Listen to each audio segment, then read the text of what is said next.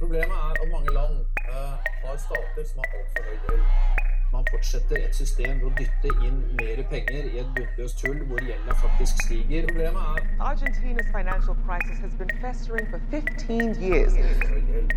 Alt- alt- Altfor. Stadig tøffere og tøffere og tøffere over i disse landene. Du hører på Gjeldsbrevet, podkasten til Slugg, nettverk for rettferdig gjeldspolitikk. Jeg er Karoline Arnesen, Og jeg er Kristoffer Jacobsen. og i dag skal vi snakke litt om barns rettigheter. Og for å sparke det hele i gang, så tok jeg meg en tur til to som er eksperter på nettopp det å være barn. Jeg heter Elise og er sju år. Jeg heter Nora og jeg er åtte år. Jeg spør dem om hva de har lært om rettighetene sine. Jeg har lært at alle barn har rett til å gå på skole, og alle barna har, har rett til å ha noen som passer på seg. Jeg har lært at alle barn skal ha mat. De har svaret klart for seg når jeg spør om hva de syns om at ikke alle barn i verden får gå på skole. Urettferdig. Urettferdig.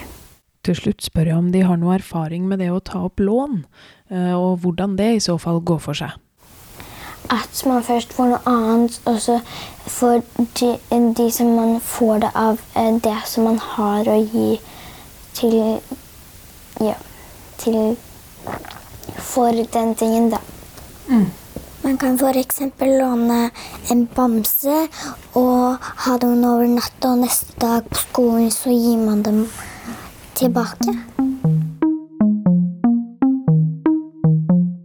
Hovedlinken mellom statlige gjeldsutfordringer og oppfyllelse av barns rettigheter er jo rett og slett at det ikke finnes nok penger til å tilby barn alle disse tingene man trenger for å få en oppvekst som ruster deg for et godt voksenliv. Dette er Thea Sofie Rusten Grastveit, rådgiver i Slugg. Hun forteller oss hvordan det hele henger sammen. Som er alt fra utdanningsmuligheter til helsetilbud, til eh, at staten kan gi foreldrene dine økonomisk støtte hvis de mister jobben, så du fortsatt har mulighet for å spise et eh, variert og godt kosthold, og ha tryggheten av å bo i et eh, hjem som er tilstrekkelig på en måte trygt og godt. Så så på en måte hovedessensen er jo bare at uh, alle disse rettighetene må på en måte finansieres på et eller annet vis. Så det er jo ganske mange sånne rettigheter som barn har, og en del av de ligner veldig på menneskerettighetene ellers. Eh, Men så har man en egen barnekonvensjon eh, som nesten alle land i verden har signert. Rett og slett fordi man har en anerkjennelse at barn er en særlig sårbar gruppe som da trenger spesielt vern. Eh, Og da spesielt rettsvern, i det at det er liksom rettigheter vi snakker om. Dette er Irene Dotterud Flå, politisk seniorrådgiver i Redd Barna. Hun jobber med utviklingsfinansiering, som bl.a. betyr at hun jobber mye med skatt og gjeld. Når vi snakker om innfrielse av barns rettigheter, så snakker vi om staters ansvar. Eh, og hvorvidt staten tar det ansvaret, eller myndighetene tar det ansvaret eller ikke, avhenger ofte av to ting. Det ene er politisk vilje. Ønsker de å prioritere barns rettigheter, eller ønsker de å slutte diskriminering, eller hva det nå skal være. Da handler det om vilje til endring. At politikere fatter vedtak som sørger for at barns rettigheter innfris. Fordi pengene er der. Det andre er økonomisk handlingsrom. Da kan politikerne ha mye vilje til å innfri rett til utdanning og helse, lek, meningsfull fritid og sånne ting, men mangler midler til å gjennomføre. Eh, Og her kommer jo bl.a. gjeld inn. Da, at det, det spiser opp det økonomiske handlingsrommet som myndigheter helst skulle brukt på å investere i befolkninga og i barn. Og dette er en situasjon mange land står i i verden i dag. Gjeld og velferd henger sammen og får konsekvenser for hverandre. I Angola eksempel, så førte økt rente på statlige lån til 17% kutt i investeringer i sosial sektor. Eh, Og da ser man at eh, selv om det selvfølgelig ikke er sånn at eh, økt gjeld er lik mindre investeringer i sosial sektor, for noen land klarer begge deler. Men man ser ofte det at økte gjeldsbyrder, og særlig ikke-bærekraftige gjeldsbyrder, som er det vi snakker om her, går ut over lands mulighet og evne til å bruke nok penger på velferd eh, som det det er behov for. Men hva har gjeldspolitikk og akkurat barns rettigheter å gjøre med hverandre? Eh, jeg tror jo at eh, menneskerettighet og barns rettighetsperspektivet er helt nødvendig inn i gjeldsdebatten. Barn er uskyldige offer av ikke-bærekraftig gjeld og gjeldskriser. Så de blir beviset på at systemet vi har nå ikke funker, og at vi må gjøre noe med det.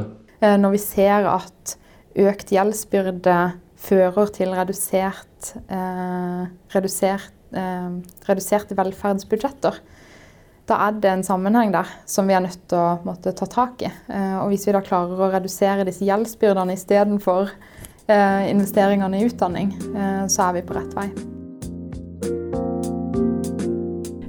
Når det kommer til oppfyllelse av barns rettigheter, så er det jo på en måte noe staten og storsamfunnet må ta ansvar for.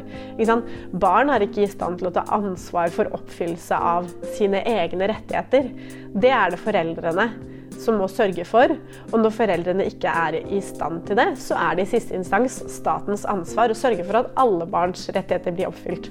Så sånn sett så tenker jeg at liksom det med oppfyllelse av barns rettigheter er en veldig god måte å illustrere på en måte statens ansvar. da.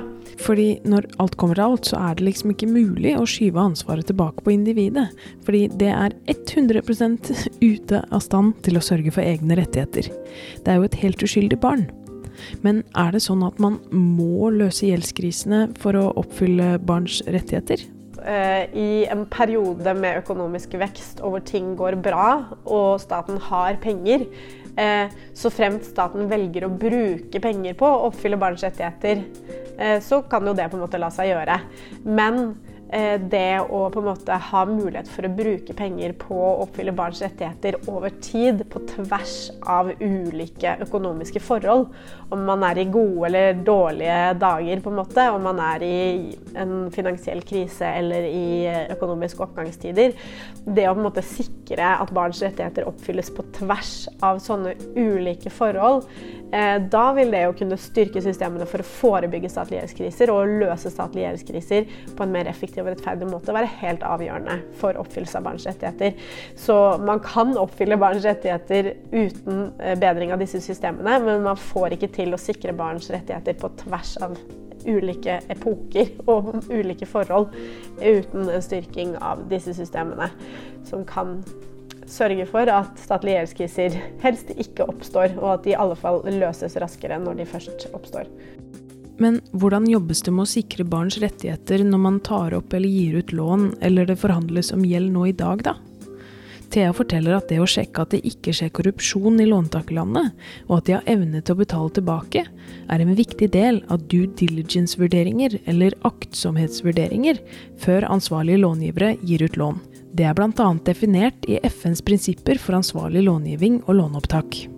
Det må eh, ta hensyn til korrupsjonsrisiko og fare for mislighold av gjeld, det er jo retta mot å sørge for at staten skal opprettholde måte det finansielle handlingsrommet, den bufferen man trenger for å kunne bruke penger i dårlige tider for å holde hjulene i gang, på en måte som kan oppfylle barns rettigheter.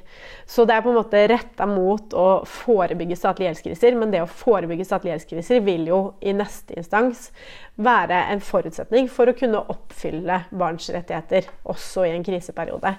Så disse formuleringene, som tilsynelatende handler bare om økonomiske forsikringer, handler egentlig også om å sikre menneskerettighetene. Men hvorvidt man på en måte skal sørge for at oppfyllelse av barns rettigheter nevnes eksplisitt også i eh, investeringer i statlig gjeld og det med ansvarlig långivning, det er jo på en måte Kanskje det burde stå der eksplisitt, og kanskje det er noe man burde jobbe for f.eks. at eh, barns rettigheter eh, nevnes eksplisitt i, i oljefondet sin smørbrødliste over rutiner for godkjenning av statlige utstedere av statsobligasjoner.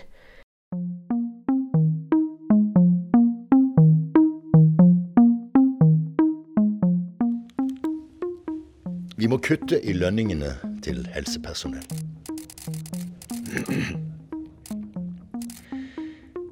Vi må også spare inn på utgiftene til utdanning, som har vært en viktig satsing for regjeringen de siste årene.